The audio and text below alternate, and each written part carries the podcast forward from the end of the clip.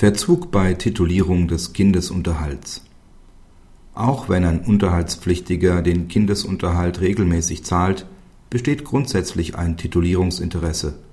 Der Pflichtige, der einen Titel nur nicht innerhalb der gesetzten Frist errichtet, macht sich nicht schon deshalb schadensersatzpflichtig. Die gesetzliche Vertreterin der beiden Kinder verlangte im eigenen Namen von deren Vater die Titulierung des regelmäßig gezahlten Kindesunterhalts.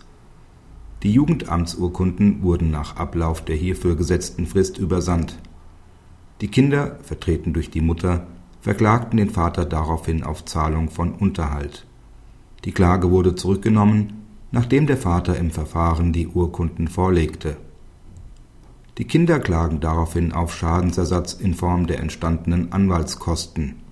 Die Prozesskostenhilfe wurde zu Recht verweigert. Die Kinder haben die Voraussetzungen für einen Verzug des Vaters nicht dargelegt. Schon eine Mahnung der Kinder kann nicht darin gesehen werden, dass die Mutter im eigenen Namen außergerichtlich gegen den Vater vorging.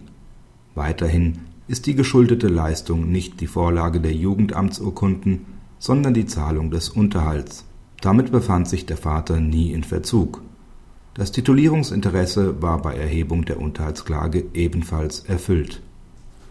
Praxishinweis Die Entscheidung ist der Redaktion erst kürzlich zugegangen. Schon bei der außergerichtlichen Geltendmachung von Ansprüchen des Kindes ist darauf zu achten, dass der gesetzliche Vertreter die Ansprüche nur bei bestehender Ehe im eigenen Namen geltend machen kann. Ab Rechtskraft der Erscheidung muss auch der mit außergerichtlicher Vertretung bevollmächtigte Anwalt vom Kind, vertreten durch die Mutter, mandatiert werden und die Mandatierung entsprechend gegenüber der Gegenseite angezeigt werden. § 1629 Absatz 3 BGB gilt auch außergerichtlich